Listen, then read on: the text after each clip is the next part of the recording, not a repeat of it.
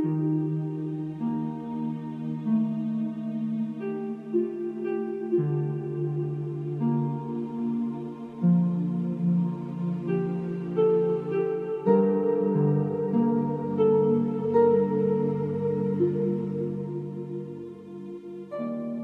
сонсогч танд энэ өдрийн амар амгалан айлтгая.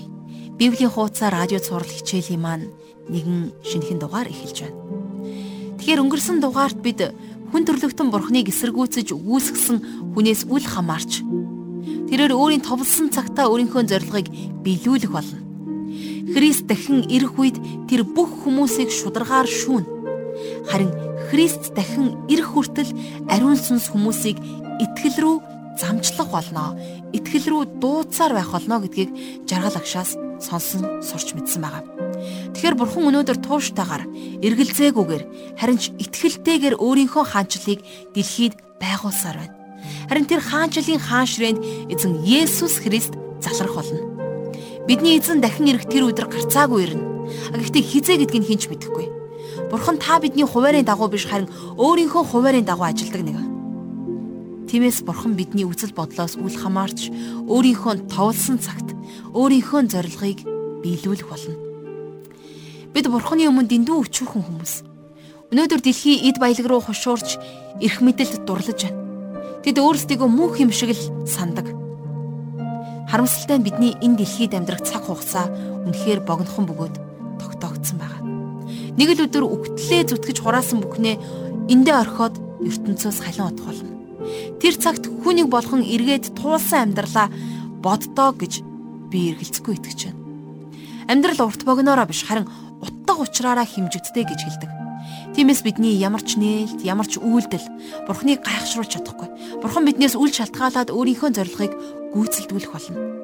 Тэгэхээр тэр өнөөдөр ч гэсэн таныг өөртөө дуудаж байна. Мэдээж түүнд танд зориулсан гайхамшигтай төлөвлөгөө бий. Ингээд өнөөдрийн хичээлдээ орцгоё. Өнөөдөр бид дуулал номынхон 3 4-р бүлгийг хамтдаа уншиж судлах болно. Ингээд хамтдаа их эзэнд залбирцгаая. Эзэн бурхан минь танд миний амьдрал бий болгосон бүх зүйлийн төлөө талархал өргөн залбирч байна. Таны үгнээс суралцах энэ цагийг зөвшөөрч өгч байгаа учраас танд магтаалын дээдийг өргөе. Итгэгч бидний амьдралд өдөр болгон альва асуудал бэрхшээлүүд тулгарч байдаг үлээ. Харин тэр өдрүүдэд түр хүнд хэцүү цаг үед бид юу хийх, яах ёстой вэ гэдгээ таны бидэнд энэ цаг мөчид ойлгуулж хэлэх үгийг танд өргөн залбирч байна. Таны үгээр дамжуулан бидэнд хандсан таны зүрх сэтгэлийг илүү ихээр ойлгож хүлээн авахд та туслаарай. Илүү утга учиртай амьдрах зүрх зоригийг их эзэм та бидэнд сойрхоорой. Танд хичээлийн энэ цагийг өргөж эзэн Есүсийн нэрээр залбирanгуйж байна. Амен. Ингээд хамтдаа жаргалах шиг хичээлд анхаарлаа хандуулцгаая.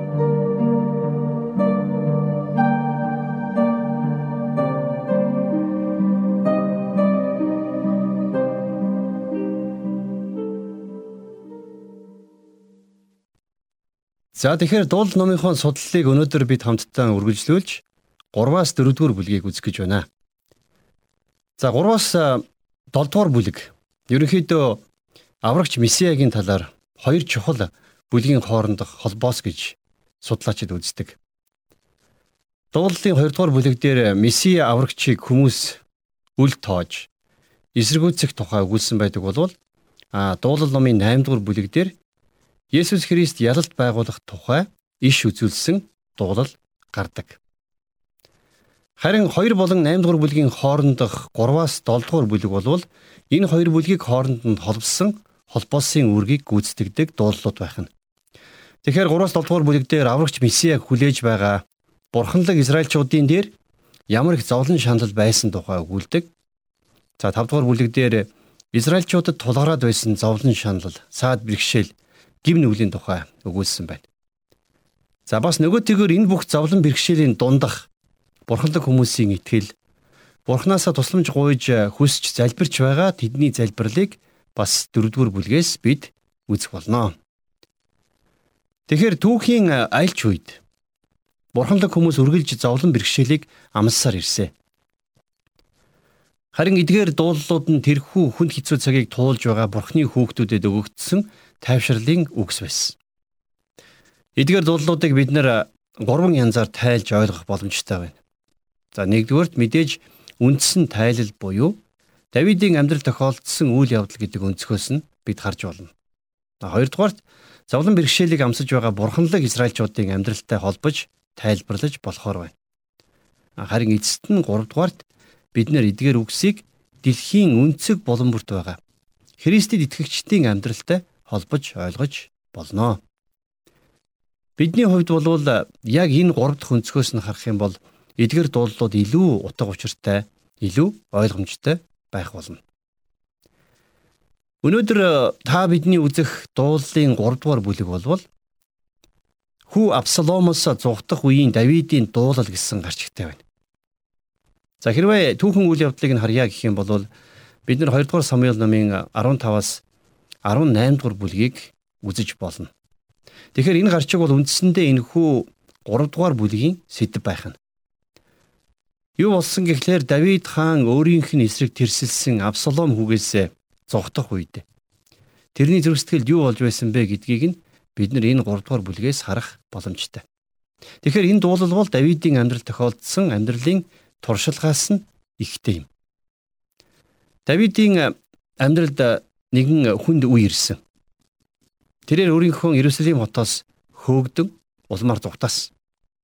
Уг нь Иерусалимыг Давидын хот гэж нэрлэдэг байсан. Гэтэл Давид өөрөө энэ хотоос хөөгддөг. Хүү Абсалом нь тэрнийг хаан ширээнээс нь зайлуулж тэрнийг хөнөөхийг зорж байсан. Тэгэхээр төрсөн хүүн Давидыг хороохыг хүсэж байсан энэ хүнд хэцүү үе Давидын хувьд үнэхээр тэсгэд бэрх цаг үе байсан байна. За тийм ч учраас ийм хүнд хэцүү байдалд орсон Давидыг бодоход өөрийн ирэхгүй өрөвдөг сэтгэл төрдгөө. Давидыг Иерусалимаас хөөгдөд зугтах үед нь тэрний үзэн яддаг хүн тэрний зам таарч Давидыг янз бүрээр хараасан байна. Тэгээ Давидын хүчрхэг ирсэн нэг Абишаг хэлэгнэж тэр хүнийг хөнөөхөр завдахад Давид харин тэрнийг хоригдсан байна. Яагаад гэвэл гим нүглийнхэн төлөө бурхан Давидыг шийтгэх болно гэдгийг иш үзүүлэгч Натан Давидэд өмнө хэлсэн байсан. 2 дугаар Самуэль номын 12 дугаар бүлгийн 11 дугаар ишлэлээр За иш үзүүлэгч Натан Давидэд хандаж ингэж хэлсэн байна. Бас эзэн ингэж айлдаж байна. Үзэгтэн би грийнхний чин дотроос чиний эсрэг бозор хөнөөлийг гаргана. Би чиний нүдэн дээр ихнэрүүдийг чинь авч хөршид чинь өгнө гэж иш үзүүлсэн байсан. Тэгэхээр бурхан яагаад Давидэд ийм зүйлийг зөвшөөрсөн болоо? Та юу гэж бодож байна? Яагаад гэвэл Давид бурханы өмнө жигшүүртэй гим нүглийг үйлдсэн тийм ээ. Тэгэхээр бурхан Давидэд маш өгөөмөр хандаж Давидын гим нүглийг уучлсан. Гэхдээ Давид тарьсан гим нүглийнхээ үр дагаврыг өөрөө амсах ёстой болсон. За тийм учраас Давидын хүү Абсалом аавынхаа эсрэг тэрслэн боссон байна. Израилийн ард түмэн Абсаломыг дагаж Давидын эргэн тойронд дайснууд нь улам бүр олширсан байна. За ингээд 2 дугаар Самуэль номын 15 дугаар бүлгийн 13 дугаар ишлэлдэр Израилийн хүмүүсийн зүрх Абсаломыг дагаж байна гэж тодорхой баримттай бичигдсэн байдаг. За Абсалом болвол олонний харцыг булаасан сайхан залуу байсан. За нөгөөтэйгэр тэр маш залжин улс төрч байсан. Абсаломын бослохын үеэр зөвхөн Абсалом за бас тэрнийг тойрон хүрээлэгчд биш. Харин Израилийн ард түмэн бүхэлдээ Давидын эсрэг боссон. Ингээд Давидын зүрхсэтгэл маш их шарахтай болж Иерусалим хотоос хөөгдсөн байна. За тэрэнд одоо ямар ч тусламж дэмжлэг байхгүй, ямар ч найдвар байхгүй болсон юм шиг санагдах тийм үе ирсэн байна. За тэгвэл энэ бүх түүхэн үйл явдлыг дотроо тэгээд Давид хэрхэн дуулсныг хамтдаа одоо судалж эхэлцгээе. Ингээд дуулал номын 3 дугаар бүлэг 1 дугаар ишлэл. Өстнүүд минь юутай олширн эзэн өөдөөс минь олвол босжээ гэж Давид хэлсэн байна тийм ээ. Тэгэхээр Давид хаан Иерусалимаас хөөгдөн явх үедээ өөрийнхөө зүрхсэтгэлийг бурханд уудлан ярьж байгаа нь энэ байна тийм ээ. За хоёрдугаар ишлэгийг үргэлжлүүлэн уншъя. Болт олон миний тухайд бурхны аврал түүнд үгүй гэлцнэ. За тухайн үед бол маш олон хүмүүс Давидыг бурхан орхисон гэж бодож байсан. Одоо Давидэд ямар ч найдвар байхгүй. Ингээд Давидын амьдрал дууслаа гэж хүмүүс бодсон. За мэдээж Давид э, бусдын адил гим нэгүүлтэй хүн байсан. Маш олон асуудалтай байсан. Ма зарим хүмүүс бурхан яаж Давид шиг ийм хүнийг өргөмжилдэг байна гэж асуудаг. Харин би тийм хүмүүст хэрвээ бурхан Давидыг өргөмжилсэн юм бол та биднийг ч гэсэн бас өргөмжлөх боломжтой юм биш үү гэж хэлмээр санагддаг. Тэгэхээр бид нар ийм гайхалтай өгөөмөр бурхантай байгаадаа талархах ёстой. Бурхан Давид шиг нөхрийг өөртөө хүлээн авч ийм хүмүүстэй нөхөрлөж байсанчлан та биднийг ч гэсэн бас хүлээн авч бидэнтэй нөхөрлөдөг. Тэгэхээр өөрийнх нь өмнө гимшин ирж байгаа хэн бүхнийг бурхан өгөөмрөөр хүлээж авдаг. Гэхдээ тэглээгээд Давид яасан бэлээ? Өөрийнхөө гим нүглийнхээ үр дагавраас зайлж чадаагүй. За хоёрдугаар ишлэлийн төгсгөлд нэгэн сонирхолтой үг байгааг та анзаарсан бах тийм ээ. За энэ үг бол села гэсэн үг байна. Тэгэхээр энэ үг яг ямар утгатай болох талаар эрдэмтэд янз бүрээр маргадаг л да. Дуулал номон дээр Села гэсэн үг нийт 71 удаа гардаг юм. За би энд энэ үгийн талаар өөрийнхөө бодлыг хэлье гэж бодож байна. Тэгэхээр дуулал ном бол бүхэлдээ найрал дуу. Найрал хөгжим зориулсан дууны ном. За тухайн үедээ Иерусалим дэлхийд дахин алдартай хот байсан. Дэлхийн өнцөг болон бүрээс Иерусалимыг үзэхээр Иерусалим дахь дуу хөгжим магтууг сонсохоор хүмүүс сулардаг байсан. За тэр утгаараа села гэдэг үг бол хөгжимтэй холбоотой үг гэж ойлгож болохоор байгаа. За магадгүй хөгжмийн зогсоц Паулсыг илэрхийлсэн байх их магадлалтай. За зөвлөх юм бол төр зогсоод сонс хар бод гэсэн утгатай болов. Бурхны энэхүү гайхамшигтай дуулуудыг уншихдаа та бид нар ч гэсэн бас төр зогсоод анхааралтай сонсож, анхааралтай харж, нухацтай бодох учиртай. За зөвхөн дуулалж гэлтгүү. Бурхны үгийн өмнө бид нэр ийм дээд зэргийн анхааралтай байх учиртай.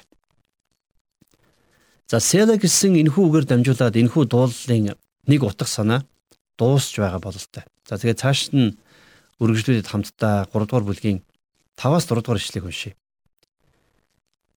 Хэвтээд л би унтдаг. Эргээд бас сэрдэг нь эзэн намайг түршдгийх. Тойрч бүслээд ирсэн түмэн хүнээс ч би айхгүй. За дууллын 3 дугаар бүлгийг өглөөний дуулал гэж бас нэрлэдэг л дээ. Үнэхээр энэ дуулал өглөөг эхлүүлэхэд их тохиромжтой дуулал. За мэдээж хэдийгээр маш их зовлон бэрхшээлийн дунд байсан ч гэсэн Давид бол бурханд итгэсээр байсан. Тэр шөндөө тайван мундаж чаддаг байсан байна тийм ээ. Давидын хувьд айснасаа болоод нойр нь хулжаад ч юм уу эсвэл унтахын тулд нойрны юм уудаг тийм хүн байгаагүй. Тэр зүгээр л эзэнд итгэдэг байсан. За тийм ч учраас тэрээр дэрэн дээр толгоогоо тавихтаа Бурхны амлалтан дээр толгоогоо тавьдаг байсан байна. Инхүү Давид их тайван унтаж чаддаг байсан. За Давид ингэж хэлсэн тийм ээ эргээд бас сэрдэг нь эзэн намайг түшдгийхээ гэж. За энэ бол яахын аргагүй Давидын итгэлийн тунхаг байна. Давид бурханд бат итгэдэг байсан учраас итгэлтэйгээр тойрч бүслээд ирсэн түмэн хүнээс би айхгүй гэж хэлсэн. Хэдийгээр бүх хүн Давидын эсрэг байсан ч гэсэн тэднээс айхгүй гэж Давид чанга тунх гэлж байна тийм ээ. Бурханаас имээгч хүнийг айлгаж чадах ямар ч хүн байхгүй гэж би хувьдаа боддог. Тэгэхээр Давид Бурханаас имээдэг байсан учраас л хүнээс айхгүй гэж тунхаглаж чадаж байна. Өнөөдөр хүмүүс хүнээс биш харин Бурханаас имээдэг байсан бол эрх мэдлтнүүдийн улыг долоогч хүмүүс илүү цөөхөн байхсан. За тоглоомор хэлэх юм бол хилээ хар болтол нь бусдын улыг долоодог нөхдөө зөндөө байна шүү дээ. Тэгээ яагаад ийм хүмүүс ийм байдал гаргадаг юм бэ? Яагаад гэвэл тэд нар бурхнаас айдаггүй. Тэгсэн хэрнээ хүмүүсээс айгаад байдаг. Тэгэхээр бурхнаас имэх айдас бидэнд эр зоригийг өгч байдаг. Хэрвээ та бурхнаас имээдэг бол таныг айлгаж чадах хүн байхгүй. За Давид бол энийг их сайн мэдэж байсан. Тийм учраас тэр бурханд бат итгэж байсан байна. За 7 дугаар ишлэгийг хамт уншийе. Эзэн босооч. Тэгээ бурхан минь намайг авраач. Бүх дайсны минь эрүүг та дийлсэн мүү? Буруутын шүдийг яариул муу гэсэн баг. За бид нэр кинон дээрээс хардаг баг тийм ээ хүний эрүүг хүчтэй дийлсгээд хүн шууд ундаг. Тэгэхээр Давид өөрөө дайнч тулаанч хүний хувьд энийг маш сайн мэддэг байсан байж таарна. Давидын бүх дайсны эрүүг бурхан дийлсэн гэдгийг Давид энд бүр тунхаглаж байна. Буруутай хүмүүсийн шүдийг бурхан яриулсан учраас одоо тэд цаашид Давидыг хазаж чадахгүй гэдгийг Давид бас энд тунхагласан байна. За 8 дугаар ишлэл. Аврал бол эзнийх аваа. Ард түмнийхэн дээр ерөөлт нь атгаа. Села гэсэн байна. За мэдээж үнэхээр аврал бол эзнийх. Эзэн бурхан бол авралыг зохиогч. Тэгэхээр Давид өөрийнхөө авралыг бурхнаас гэдэгт бат итгэж байсан. Тэгэхээр аврал гэдэг бол халаасандаа хийж явж байгаад гээждэг зоос биш. За бас авралыг бид нэр өөрсдийнхөө эрийн сайнд олж авдаг ч тийм юм биш. Бурхан бидэнд авралыг бэлэг болгон өгсөн. Бурхан бидэнд авралыг өгсөн бидний дээр өөрөө хүсэж байж өрөөлө болгосон. За ингээд 3 дугаар бүлгийн төгсгөлд села гэсэн үг дахиад гарч байгаа биз. Тэгэхээр бид нар энэхүү дуулалыг анхааралтай ажиглаж бодрох хэрэгтэй гэсэн үг. Давид хаан энэ 3 дугаар бүлэг дээр Бурхны гайхамшигтайгаар тунхагласан байна. За үргэлжлүүлээ 4 дугаар бүлгийг эхлүүлцгээе. За энэ хүү богинохон бүлэг нь залбирал. За 1-ээс 3 дугаар ишлэлдэр за сануулга нь 4-өөс 5 дугаар ишлэлдэр за итгэл 6-аас 8 дугаар ишлэл гэсэн гурван хэсэгт хуваагддаг. Тэгэхээр 4 дугаар бүлгийн эхэнд чавхтаст хөгжимд гэсэн тодорхойлт байдаг. Тэгэхээр энэхүү дуулалыг чавхтаст хөгжмөөр гоцлон тоглодог байсан байж болохоор байна. За дөрөвдүгээр бүлгийн эхний хэсэг э, залбирлаар эхэлж байгаа. Хүн хэцүү зовлон бэрхшээлтэй цаг үед итгэгч бидний хорогдох газар бол ертөсөөл залбирал. Харин бурхан тэдний халахвч бамбаа юм аа. Хамтдаа дөрөвдүгээр бүлгийн нэгдүгээр ишлэгийг уншъя. Зөв шударгын бурхан минь ээ. Дуудахад минь хариулаач. Завхууд минь намайг та амраасан билээ. Намаага өршөөн. Залбирал юуг минь сонсооч. Бидний амьдралд янз бүрийн зовлон бэрхшээл тулгарч байдаг. Харин зовлон бэрхшээлийн цагт Бурхны үг бидэнд урам зориг өгдөг юм. Дуулалын 145-ын 18 дугаар ишлэлдэр эзэн өөрийн дуудагч бүхэнд өөрийн үннээр дуудагч бүхэнд ойр билээ гэсэн байна. За бас дуулалын 50-ын 15 дугаар ишлэлдэр зовлон шаналнгийн өдөр намайг дууд. Би чамайг аврах бөгөөд чи намайг хүндтэгнэ гэж бичигдсэн байна. Хэрвээ бид нар Исаи номын 65 дугаар бүлгийн 24 дугаар ишлэгийг харах юм бол тэднийг дуудахаас өмнө би хариулж тэднийг ярьж байхад нь би сонсох цаг ирнэ гэж Бурхан өөрөө хэлсэн байдаг. Тэгэхээр би танд урам зориг өгөх үүднээс дуулал номноос өөр хэд хэдэн ишлэлийг иш татъя гэж бодож байна. За дуулалын 18-ын 6 дээр Зовлон шаналл дотроо эзнийг би дуудаж бурхандаа би хашгирсан. Тэрээр сүмээсээ дуу хоолойг минь сонсож түүний сонорт хашгираа минь хүрсэн билээ гэж байна. Замун дуулалын 55-ын 16 дээр харин би бурхныг дуудаж эзэн намайг аварна гэж бичигдсэн байдаг болвол за дуулалын 86-гийн 7 дээр зовлон шаналнгийнхаа өдөр таныг би дуудана. Учир нь та надад хариулна гэсэн байх юм. Тэгэхээр бидний амьдралд тохиолдог бүхий л бэрхшээл зовлонд та ганцаараа гэж бити бодоорой. Бурхан тантай хамт байгаа. За хоёрдугаар ишлэл. Хүний хөвгүүдээ хидий болтол нэр хүнд минь ичхүр болох вэ? Хидий болтол та нар хоосон юмд дурлаж худал хуурамгийг хайх юм бэ? Села. За энд болохоор зэрэг бурхан хүмүүсийн дурлаж хошуурч байдаг тэр бүхэн хий хоосон гэдгийг За бурхнаас өөр юу ч бид хайсан эцэстээ тэр нь мухардах болно гэдгийг хэлсэн байна. За 3 дугаар ишлэл. Бишрэлтнүүдийг эзэн өөртөө тусгаарсныг мэдэгтэн намайг дуудахад эзэн сонсдог билээ. За тэгэхээр бурхан бидний залбирлыг сонсдгоо гэдгийг энд маш тодорхой хэлсэн байгаа биз? Бидний бурхан бол сонсдог бурхан. За үргэлжлүүлээ 4-5 дугаар ишлэлдэр. Уурлавч нүгэл бүү үлд. Үүнийг орондоо зүрхэндээ тунгааж дуугүй бай. Села. Зөв шударгын тахил өргөж эзэнд итэг гэсэн байна. Илч Паул Эфесийн итгэгчдэд хандаж Эфес номын 4:26 дээр уурлавч нүгэл бүүлд уур хилэн дээр чинь нар бүү жаргаг гэж чухалчлан загсан байдаг. Бид нэр энэ үгсийг үргэлж санаж явах хэрэгтэй. За дараагийн ишлүүдийг хамтдаа уншъя 6-аас 7 дугаар ишлэл. Бидэнд сайныг үзүүлэгч нь хинбэ гэж олон хүн асууж байна. Эзэн өөрийн мэлмийг өргөж бидэн дээр гэрэлтээч. Зүрхэнд минь таны өгсөн баяр баясгал нь тэдний үр тариа шин дарс бялхах үеийнхээс ч илүү. Тэгэхээр Давид хаан та бидэнтэй яг адилхан хүнд хизүү цагт шаналж зовж сэтгэлээр ундгал байсан. Тэрний эргэн тойронд байсан хүмүүс бүгдээрээ Бурхан Давидэд цаашид сайныг үлдэхгүй гэж хүртэл ярьдаг байсан. Харин Бурхан Давидэд сайныг үлдсэн юм. Бурхан Давидын зөргсгөл баяр баясгалан өгсөн. Бурхан өнөөдөр биднэрт ч гэсэн бас сайнаар ханддаг юм. Тэр бол үнэндээ үнэхээр сайн бурхан. Эцэст нь 8 дугаар ишлэгийг уншаад өнөөдрийнхөө хичээлийн дүгнэлтийг хамтдаа хийцгээе. Би амар амгалан хэвдэж унтах болно.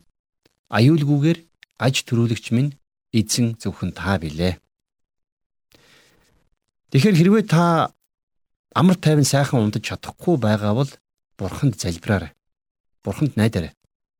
Тэгээд дуулал номын 4-р бүлгийг уншаарай гэж би хуваасаа зөвлөх байна. Яагаад үг гэхээр Бурхны үг биднийг ямар ч тайвшруулах юмнээс илүүтэйгээр тайвшруулж чадна. Энэ үгс өнөөдрийн бидэнд ийм гайхалтайгаар нөлөөлж байхад тухайн үеийн хүмүүст ямар их ивэл юрүүл болж байсан бол Бурхандаа үнэхээр чин сэтгэлээсээ талархъя.